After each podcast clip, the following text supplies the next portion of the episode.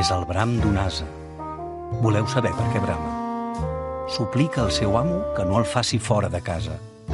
Si plau, no em facis fora, crida l'ase. Deixa'm quedar.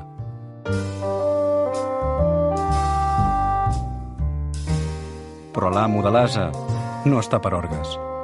Ets un ase vell i inútil. Ja no em serveixes per res. Vés-te'n d'aquí ara mateix, si no vols que et doni un bon cop de bastó.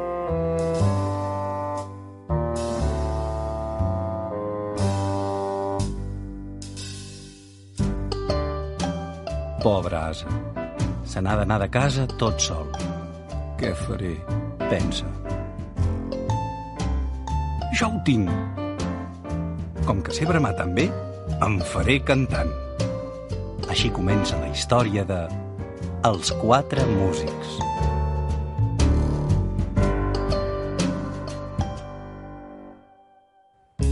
No gaire lluny d'allà on és l'asa, hi ha un gos que borda.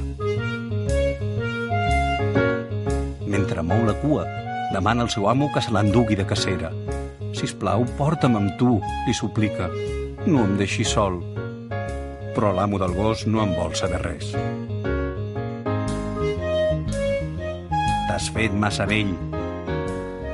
Ja no pots córrer darrere els conills. Fuig d'aquí ara mateix, si no vols que et doni una bona cosa.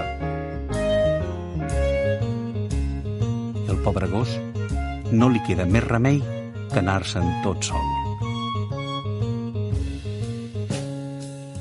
Ves per on que el pobre gos es troba amb el pobre ase i li explica la seva història. A mi també m'han fet fora de casa, diu l'ase al gos. Vine amb mi i ens farem tots dos músics.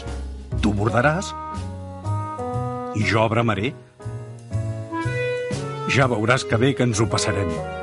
I com que el gos hi està d'acord, tots dos animals se'n van ben contents.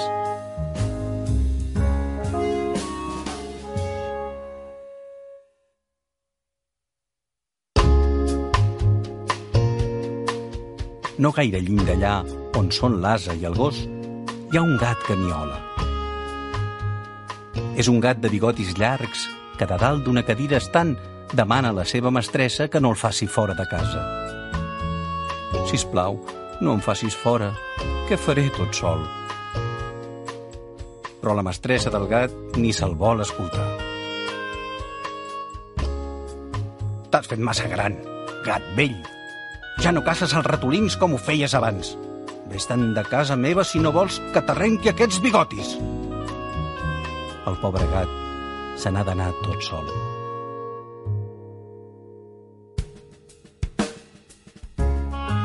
Només sortir de casa, el gat es troba l'asa i el gos i els explica la seva trista història.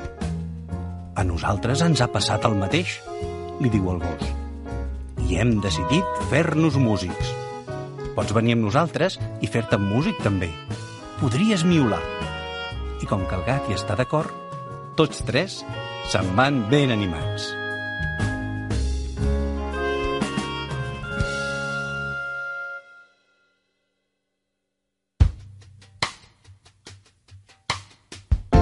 Ben a prop d'on són l'asa, el gos i el gat, hi ha un gall que canta sense parar. Està suplicant a la seva mestressa que no el faci marxar tot sol de casa. Si plau, no em facis fora, li suplica. Faré tot el que em demanis, però no em deixis sol. Però la seva mestressa ja ho té ben decidit. No et vull veure més, gallafònic. T'has fet tan vell que ja no em serveixes ni per despertar-me al matí. Ves-te'n ara mateix si no vols que d'una bufa et facis saltar totes les plomes.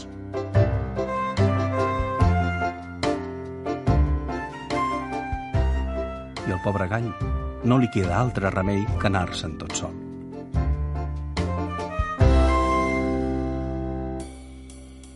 Pel camí el gall es troba l'asa, el gos i el gat. Quan els explica la seva història, tots tres animals li proposen que se'n vagi amb ells a fer-se músic. I com que el gall diu que sí, se'n van tots quatre ben feliços i cantant.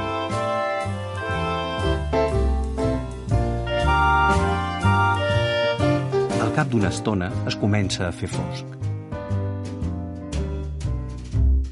Veieu alguna casa on puguem passar la nit? Pregunta l'as als seus amics. Enfilat damunt l'asa, mira si veu alguna cosa. El gat s'estira per veure-hi millor. I el gall estira molt el coll i diu Ei, allà al fons veig una casa. Anem-hi a veure si ens hi deixen dormir. Els quatre animals no es poden ni imaginar que en aquella casa hi viu un ogre terrible i molt temut per tothom. Té el cap quadrat, els ulls rodons i una mirada horrible. Ja us podeu imaginar que és un ogre molt malcarat i dolent.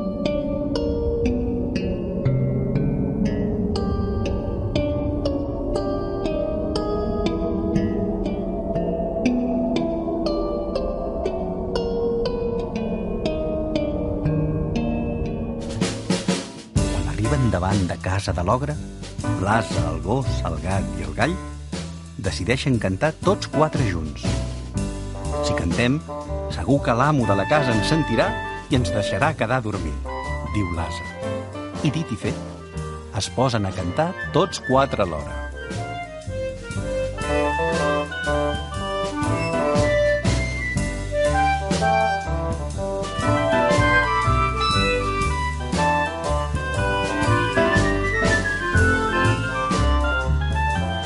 dins de casa estant, l'ogre terrible sent el soroll que fan tots quatre i té un ensurt enorme.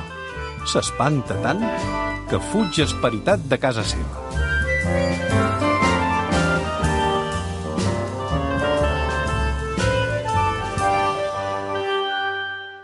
Els quatre animals entren a la casa de l'ogre i s'adonen que és una casa molt bonica. Ens hi podríem quedar a viure, diu l'asa als seus amics. Ens passaríem el dia cantant i el més important de tot, tots quatre ens faríem companyia. Mai més no estaríem sols. I com que el gos, el gat i el gall hi estan d'acord, tots quatre s'instal·len a la casa. I si ningú no els ha fet fora, hores d'ara, encara hi deuen viure.